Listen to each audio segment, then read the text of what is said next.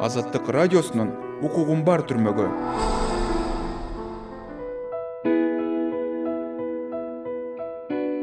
лейлектин чек арадагы максат айылынан жер которуп келип бишкекте батир издеп жүрүп көз жарган надира каримова азаттыкка утурумдук тиричилиги тууралуу кеңири айтып берди. Эсенсизби сиз укугум бар түрмөгүн уга баштадыңыз. Аны бүгүн мен сабыр абдымомунов сунуш кыламын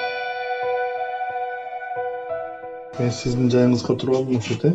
Отурсам көнбөйт мындай жакка отурайын дагы надира каримова бир айдан бери өзү араң баткан бөлмөдө жаңы төрөлгөн кызы менен күн кечирип жатыптыр жер тамда батирде турган абысыны аны бир бөлмөсүнө киргизип алган.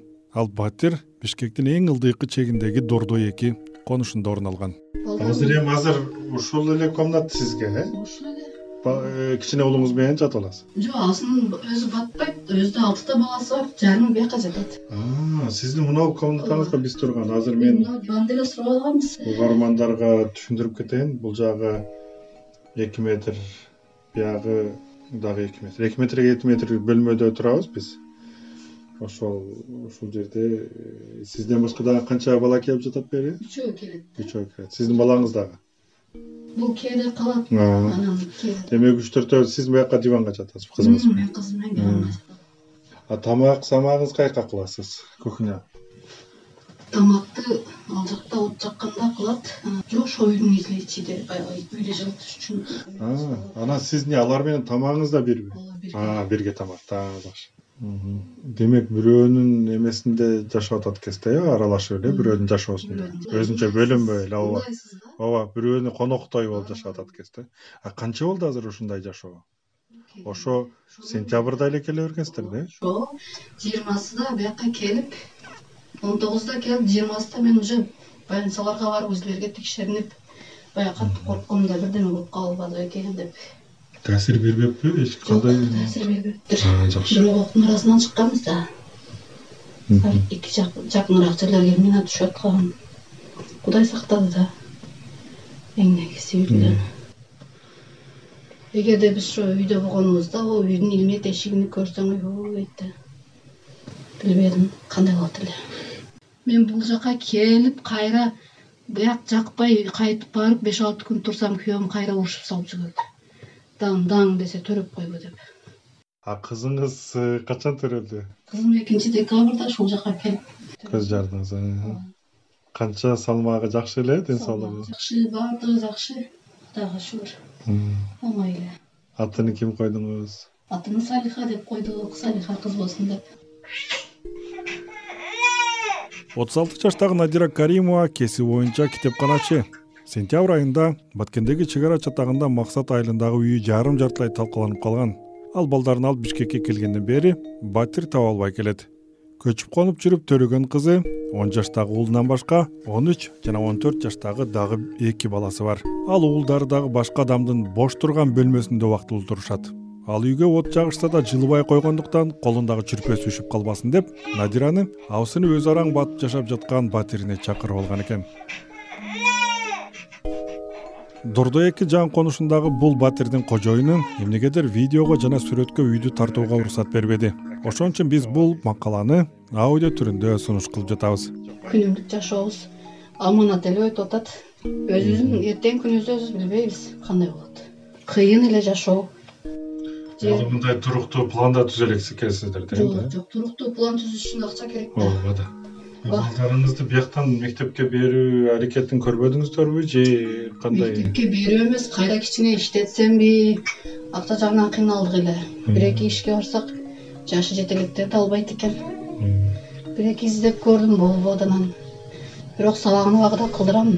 Сабактан эч калтырбайм. Эли чыр чатак болгондон бери качып талаалап жүргөн максат айылында окуу онлайн улантылууда. Жалгыз мектептин балдары туш тарапта жүрсө да интернеттен кадимкидей бир сабак окуп мугалим менен күн сайын байланышта. Алардын бири нурсултан классташтары тууралуу буларды айтып берди. Азыр баардыгы туш тушта экен да э ар жакта э. Мисалы кайсы кимиси каяк жакта мындай эстегендериң айтчы. Тематап бала окуйбуз он алты бала он төрт комнада жашап жакын досум бар. Жакын досумдун аты давут милан зейнеп бишкекте мурасовдо ак жарда эринебиз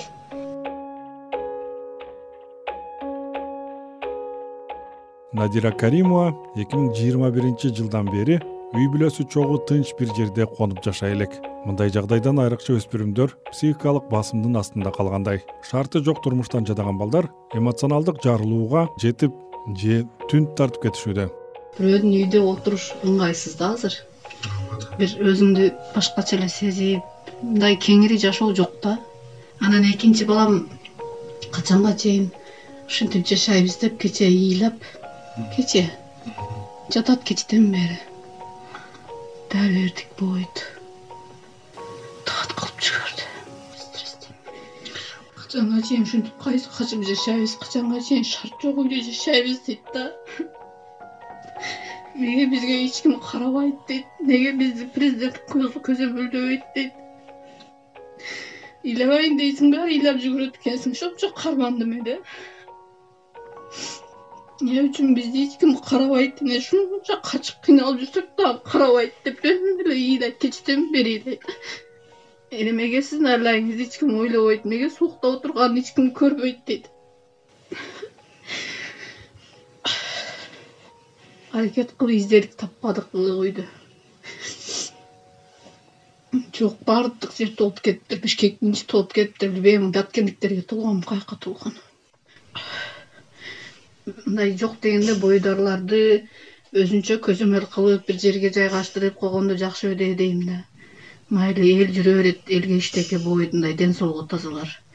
Бизге окшогондор кыйналдык да көчөдө жүрүп квартираны издей бер издей берип кымбатыраан алайын десең акчаң жетпейт. Билбейм эми качанга чейин ушинтип жүрөбүз. Адамдар жакшы эле жашоодо жүрөт же мындай жакшыраак каралашпайбы же жыйылган акчалар каяка кетип атат билбейм миллион жыйылды миллион дейт. Бардык эле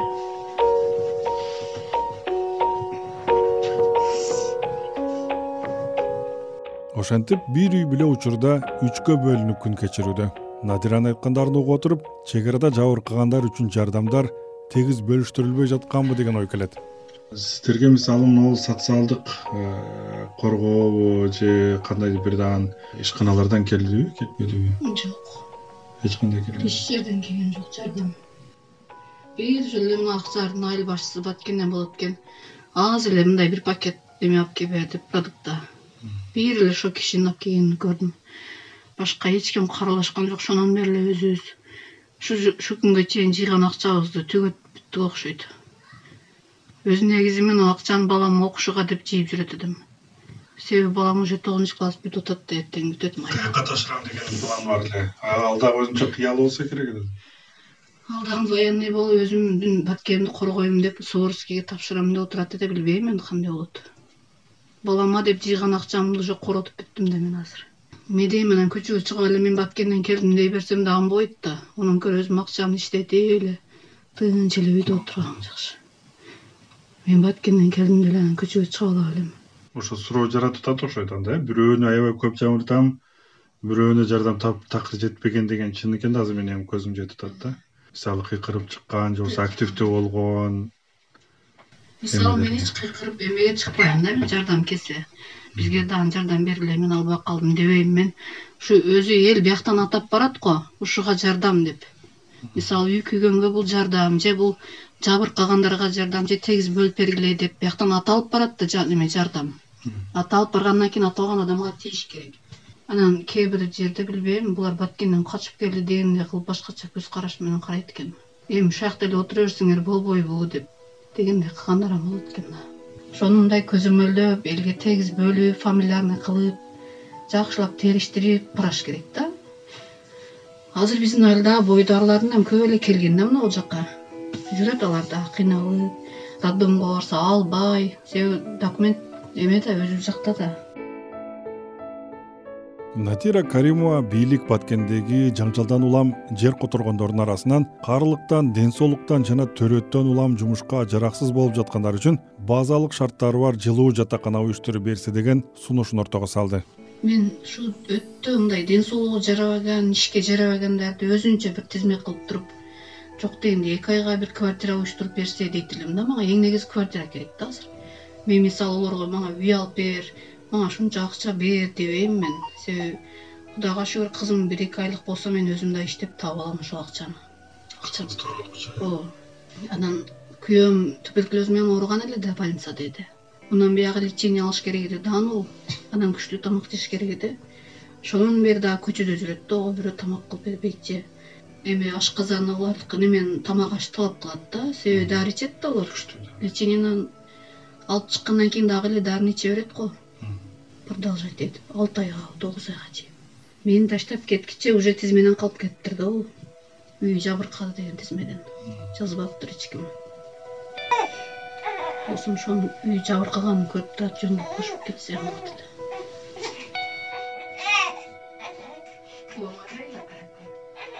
баткен облусундагы чек арага жакын айылдардан надира каримовага окшоп үйлөрүнө кайта элек адамдардын саны учурда үч миңден ашуун куралдуу жаңжалдан төрт жүз жыйырма алты үй таптакыр жараксыз абалга келген. Аларды калыбына келтирүү иштери азырда жүрүп жатат.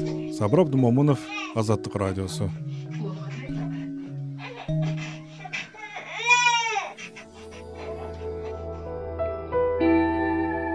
Урматтуу угарман сиз укугуң бар түрмөгүнөн максат айылынан жер которуп келип бишкекте батир издеп жүрүп көз жарган надира каримованын таржымалын уктуңуз аны менен баарлашып бул уктурууну даярдаган сабыр абдымомунов эсен туруңуз. Азаттык радиосунун укугуң бар түрмөгү